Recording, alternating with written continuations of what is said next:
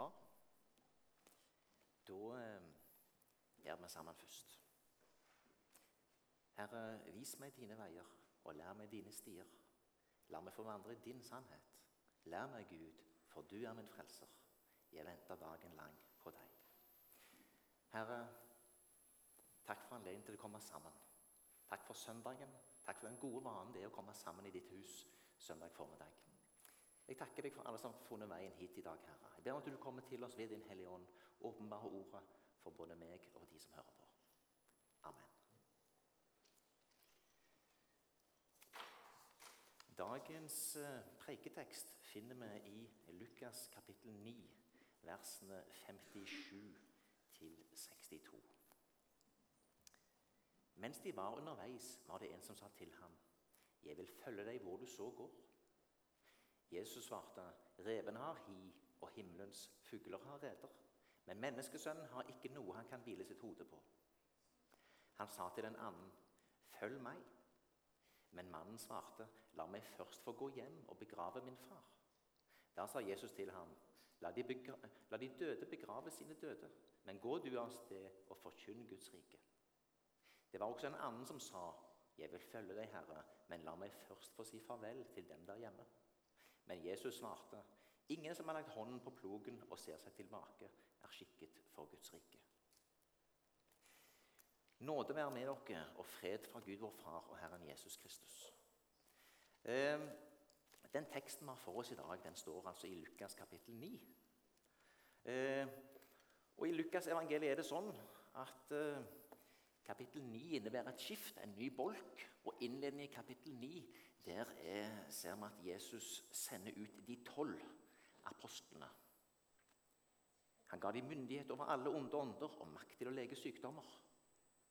Han sa til dem, 'Ta ikke med noe Ta ikke noe med dere på veien, verken stav eller væske eller brød eller penger.' Og heller ikke skal noen ha med to kjortler. Han ba de reise lett. Han ba de være avhengige av Gud, Hans ånd, i alle ting. De skulle ikke stole på seg sjøl. Videre i, i eh, kapittel 9 så er det eh, ganske mange høydepunkt som eh, Lukas har samla. Jesus mette 5000. Og innledningen der er at Jesus sier til de dere skal gi dem mat. De ble litt fortvila, for de hadde jo ikke mer enn fem brød og to fisker. Men de gjorde som Jesus sa, og samla folk i grupper. Og så kom brødet. I Jesus sine hender så ble det mangfoldiggjort. Videre i vers 23 i kapittel 9 så sier Jesus den som vil følge meg, den som vil følge etter meg, må fornekte seg sjøl og ta sitt kors opp hver dag og følge meg. Videre i kapittelet så får eh, disiplene Peter, Jakob og Johannes se Jesus sin herlighet, se hans guddommelighet. Ansiktet hans ble forandra, klærne ble skinnende hvite. Moses og Elia kommer til å samtale med ham. Og etter hvert, når Peter har blanda seg inn litt upassende han visste, ikke, han visste ikke hva han sa, som det står sitert i flere av evangeliene. Så hører vi røsten fra skyen. 'Dette er min sønn, den utvalgte. Hør ham.' Noen av dem har opplevd veldig sterke ting, og det er tydelig at det er en kraft med Jesus og hans budskap om riket. Videre så driver Jesus ut en ond ånd av en gutt. Og så har vi da noen litt umodne disipler. Johannes eh, forteller at eh, det er en annen kar som driver ut onde ånder i ditt navn. Og vi prøvde å hindre han, siden han ikke følger med oss. Men Jesus svarte han, dere skal ikke hindre han. For den som ikke er imot dere, er med dere. Og Så ble Jesus videre avvist i en samaritansk by der han ville ta inn. Og Jakob og Johannes, som nå har begynt å bli ganske høye på seg sjøl, basert på alt de har fått være med på og gjort for Gud, de lurer nå på om de skal by ild komme ned fra himmelen for å fortære disse menneskene som avviste Jesus. Men Jesus avviser dette forslaget på det sterkeste. Dere vet ikke hva ånd dere er av, sier han. For menneskesønnen er ikke kommet for å ødelegge menneskeliv, men for å frelse. Vi ser altså at de har blitt tildelt åndskrefter. Gaver til å helbrede, gaver til å forkynne budskapet om riket. Guds rike har kommet nær ved Jesus Kristus, men ennå er de umodne. Og rett etter kapittel 9, i begynnelsen av kapittel 10, så sender Jesus ut 70 andre disipler. Så totalt sender han her ut i kapittel 9 og 10 82 disipler. Og til de i eh, kapittel 10 så sier han eh, en ting i tillegg som han ikke sa til de andre. Stans ikke på veien for å hilse på folk, sier han der. Interessant. Men vet hvordan det kan være med sånn helsike? Det kan bli mange lange fraser.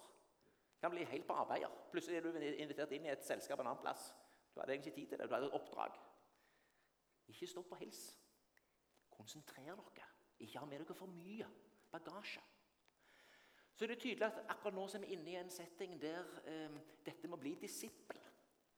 Det å følge Jesus er litt oppe. For eh, Jesus spør nok mange. Men det kommer kanskje òg noen til ham da, som tydeligvis ikke er blitt spurt. Men de er begeistra, for de har sett kanskje både hva disiplene gjør, og de har sett hvem Jesus er, og de er begeistra. Det kommer en mann I Matteusevangeliet har vi den parallelle teksten. Der står det en skriftlærd kom til ham og sa, 'Mester, jeg vil følge deg hvor du så går.' I Lukas så står det var det en som sa til ham, 'Jeg vil følge deg hvor du så går'. Og Jesus svarer det samme i begge disse tekstene, både i Matteus og i Lukas. Revene har hi, og himmelens fugler har reder, men menneskesønnen har ikke noe han kan hvile sitt hode på. Et merkelig svar. Hva er det Jesus sier her? Han har jo møtt en begeistra fyr som sier 'Jeg vil følge deg hvor du så går'. La oss ta en liten omvei. Det er jo ikke alle eh, som eh, lever i etablert eh, ekteskap og samliv.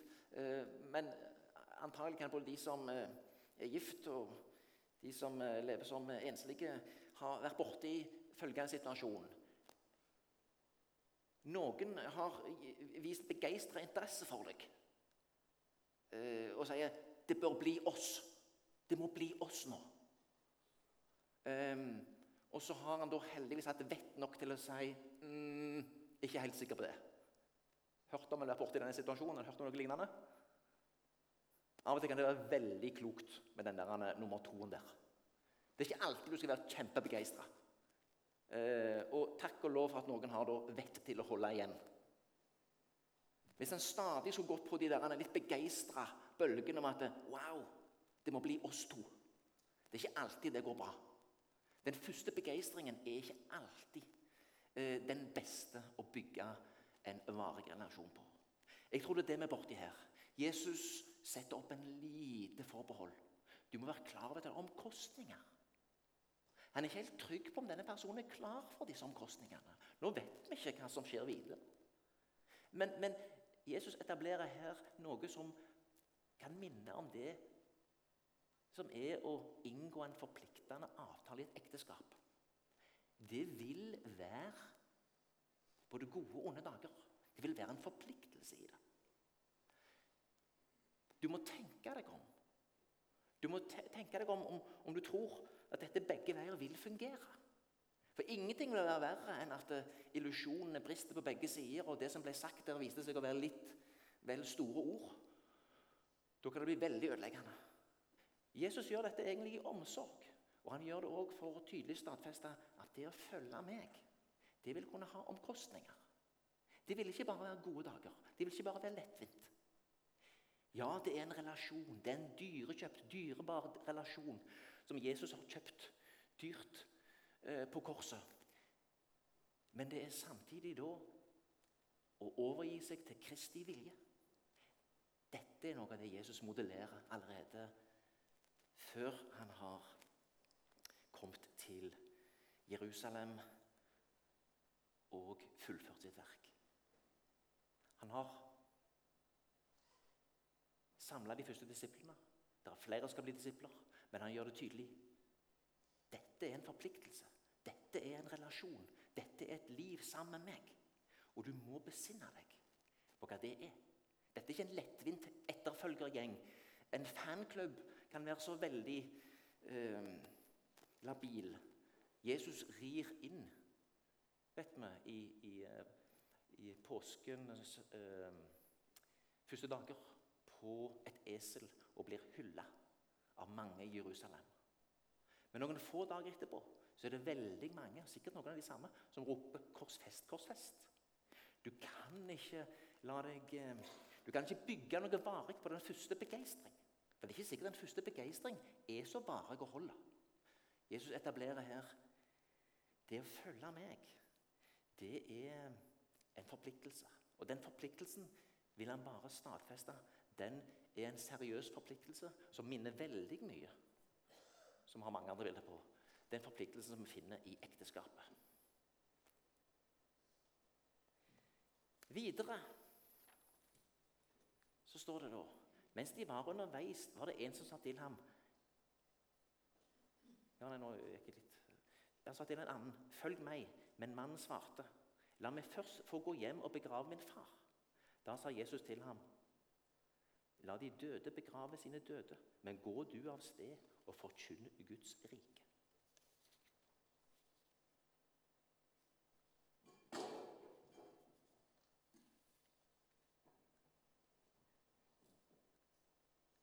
Har dere opplevd denne situasjonen, noen av dere?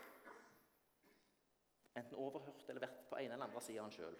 En far eller en mor sier til sin sønn eller datter Du, kan du Og så er det en eller annen tjeneste, en oppgave, som skal utføres.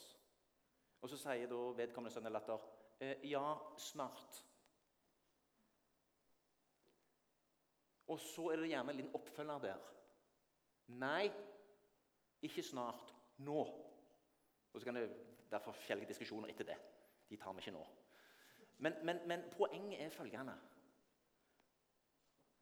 Ofte så er det greit å bare gjøre det du blir bedt om. Ikke vente. For vi vet at det der 'ja, snart' det betyr ikke en full og hel forpliktelse til å være med på det som mor eller far har sagt. Dette tror jeg vi vet kanskje fra begge sider, både som foreldre og som barn. Eller har observert dette. Dette tror jeg det Jesus er borti her. La meg først, sier den neste personen. La meg først få gjøre det eller det. Ja, Det hørtes jo litt viktig ut. Men det er jo eh, sånn at eh, En eh, kommentar jeg har lest til dette, der står det Når vedkommende sier 'la meg først begrave min far', så sier han egentlig ikke at han skal gå hjem og begrave en far som allerede er død. Fordi denne, Hvis faren var død, så var per definisjon sønnen urein og skulle holde seg borte til faren var blitt begravd, og syv dager etterpå. Så da kunne han per definisjon etter jødisk skikk ikke vært der. Det han egentlig sier, er at min far er gammel. Jeg må være hjemme til faren min er død. Og jeg har vært med på begravelsen og renselsestida på syv dager. Da kan jeg komme og følge deg. Om det var en helt konkret situasjon, at det faktisk var sånn at han var død, og at han allikevel var der, ikke i tråd med jødisk skikk, men allikevel, eller om det er det andre, at han venter, vil vente til faren er død, så er, det, så er det begge deler Jesus sitt poeng. Jeg spør deg nå om å følge meg. Og da følger du meg nå. Fordi det andre er sånn et 'ja, snart', eller 'jeg skal bare gjøre det og det'.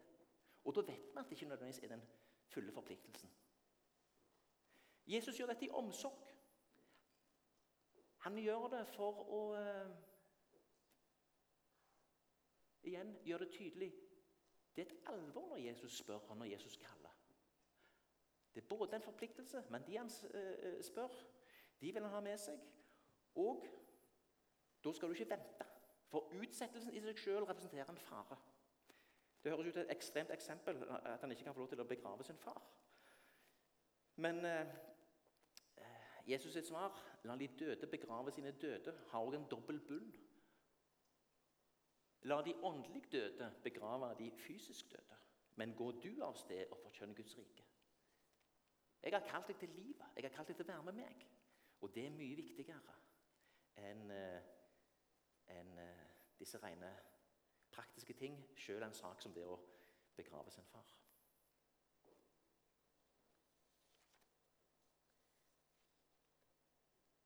Den siste delen av Lukas-teksten har var fra vers 61. Det var også en annen som sa, 'Jeg vil følge deg, Herre, men la meg først få si farvel til dem der hjemme.' Men Jesus svarte, 'Ingen som har lagt hånden på plogen og ser seg tilbake, er skikket for Guds rike.' Igjen dette 'la meg først'. Ja, snart. Ja, jeg skal bare. Vi vet hvordan dette er. Og Det å ta farvel med de der hjemme det kunne kanskje være litt mer sånn I tillegg prøver de å få, få de til å forstå hvorfor han nå har valgt å bli en disippel av Jesus. Ja, det er ikke sikkert han lykkes i det. Nei, nei, nei, bli med meg nå, du. Ikke spør. Sett meg først. Jeg kaller deg nå. Um, jeg tror det er noen ting her som vi òg skal ta til oss. Av og til får vi noen minnelser eller påminnelser eller tanker eller skytelser. Jeg tror det kan være godt hvis vi kjenner at det er noe fra Gud. Noe som er sant, godt og rett etter hans vilje. Gjør en barmhjertighetshandling, ta en telefon, bry oss om noen. Selv om det forstyrrer litt den planen du har lagt for dagen. Ta den telefonen, ta kontakten den, eller vær til hjelp. La deg avbryte. La eh, det den anledningen til å vise barmhjertighet går foran. Foran det som vi har lest her nå i, i Lukasevangeliet, så har vi da versjonen av bergpreker i Lukas. Der er det veldig mange ting å vise barmhjertighet. I Matteusevangeliet sier Jesus to plasser, i kapittel 9 og kapittel 12, det er barmhjertighet jeg vil ha, ikke offer. Kan du få en innskytelse til å gjøre godt for noen, til å bry deg om noen, gjør det nå. Eh, en vane som, som, jeg kjenner jeg har blitt bedre på, det er, er dette med bønn. Eh, tidligere kunne jeg si i møte med noen kanskje Ja, jeg skal be for deg, eller vi skal be. Det kunne jeg si både på telefon jeg kunne si det i møte. Eh, Nå har jeg blitt flinkere til, tror jeg, til å bare si Kan be for dette? Og jeg tror det kan være en god ting. Det er en liten bøyg. Det kan av og til være litt sånn halvflaut, men, men jeg tror det så øver seg i det òg. Og bare gjør det nå. Eh, det er klart, Nå har jeg en eh, jobb der jeg eh, kan tillate meg at jeg gjør det, men det var faktisk en dag jeg opplevde at jeg hadde tre-fire gode telefonsamtaler. Og i alle de telefonsamtalene så slutta vi med en bønn. Vi ba sammen. Det var en fin ting. Jeg vil gjerne oppfordre flere til bare å gjøre det. Ikke bare si 'ja, vi skal be'. For det kan hende det samme som de som sier 'ja, snart', at det forsvinner ut. Be nå. Jeg tror at det å umiddelbart bringe hverandre inn i gudsnærværet i mange sammenhenger er bedre enn å utsette det. Dette tror jeg er noe til oss. Jeg tror vi trenger å øve oss i dette. Av og til blir det litt kleint. Av og til bare litt feil. Eh, så må vi be Herren dekke det òg med nåde. Eh, iveren kan òg være feil. Eh, men, men, jeg tror det er noe med at vi i større grad eksponerer hverandre for gudsnærværet umiddelbart. At vi ikke bare sier ja, vi skal tenke på det, ja, vi skal be. Men at vi kan be her og nå. Og det trenger ikke være lenge. Uh, igjen, uh, Forsk gjerne i Guds ord og finn noen korte, gode formuleringer som du kan be. Som, som, som du nesten har utenat. Så det er òg en god ting. Oppsummert Gud jobber hele tida. Han er der. Han, et, uh, han vil oss noe. Og Jesus kaller oss til å gå inn i oppgavene og ha tro på at han er der og vil følge oss. Det er viktig at vi ikke lar oss hefte av dagliglivets krav og forventninger. At vi ikke tar med oss for mye, som han viste de første tolv disiplene. Ikke tar med deg så veldig mye. Eh, jeg tror at vi trenger å hjelpe hverandre med å formidle et liv i enkelhet. Jeg tror at eh, et liv med for mange ting, for mange saker som binder oss opp, eh, svekker vår evne til å være disipler og svekke vår evne til å være der som Samuel var i den første teksten som ble lest. Tal, Herre, din tjener hører. Det må være et rom, det må være et space, det må være litt plass til å høre Guds stemme. Men fort blir vi travle. Det er en som har sagt uh, Djevelen er ikke i travelheten. Uh, uh, djevelen er travelheten. Det er kanskje litt ekstremt. Men det er noe med travelheten som er veldig farlig, som er veldig ødeleggende. Eh, det hender at jeg faster. Det jeg merker er eh, Det du ønsker i faste, er at du kommer inn i bønn og faste. Og at du kan roe deg ned. Det som jeg ofte merker, er altså at travelheten tar meg, så det blir mindre bønn enn jeg hadde trodd. Eh, så det å legge til rette for at vi har liv som ikke er overfullt, men at det er litt rom, det tror jeg er veldig viktig. Og da er det alt det går i, altså hvor vi legger lister i forhold til materielle goder og hele pakken, hvor mye vi binder oss opp. Jeg tror det å ha en lett livsstil der du ikke er opp i for mye, det er noe vi må hjelpe hverandre til å eh, streve mot. Med disiplene som forbilder. Ha ikke med deg for mye. Jesus har lovt oss kraft, visdom, veiledning ved Den hellige ånd. Forutsetningen er at vi vandrer i tro og har tillit til at Han er der, òg når det ser mørkt ut. Han er verdt det. Han eh, vil oss vel.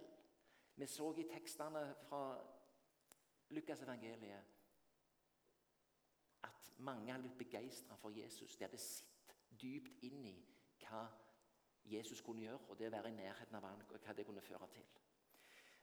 Men Jesus sier da altså at han må ha førsteplassen. Han må ha innflytelsen som han fortjener, slik at han kan forprege oss med sitt ord, med, sitt ånd, med sin ånd, med sitt eksempel. Vil du følge meg, spør han òg i dag. Hva vil det si i mitt liv akkurat nå? Hva vil det si i ditt liv? Kan det bety noe med tanke på prioriteringer? Hva du bruker tid på? Pengene dine, jobb, andre ting. Vi tar med oss noen, eh, noen korte strofer både fra noen sanger og noen bibelord til slutt. Herre, vis oss din vei. La oss gå sammen med deg. Lev et liv i Ånden. Har vi fått livet ved Ånden, så la oss også leve ved Ånden. Arbeid på deres frelse med frykt og beven. La dere forvandle ved at sinnet fornyes. Vær utholdende i bønn, våk og be med takk til Gud. La sinnet være vendt mot det som er der oppe, ikke mot det som er her på jorden. La Kristi ord få rikelig plass hos dere. Tenk ikke bare på deres eget beste, men på de andres. Det er barmhjertighet jeg vil ha, ikke offer. Den som sår i Ånden, skal høste ved Ånden. Slokk ikke Ånden, forakt ikke profetord, men prøv alt og hold fast på det gode. Han som kaller dere, er trofast. Han skal gjøre det. Lær meg å gjøre din vilje, for du er min Gud. Din gode ånd skal lede meg på de jevne stier.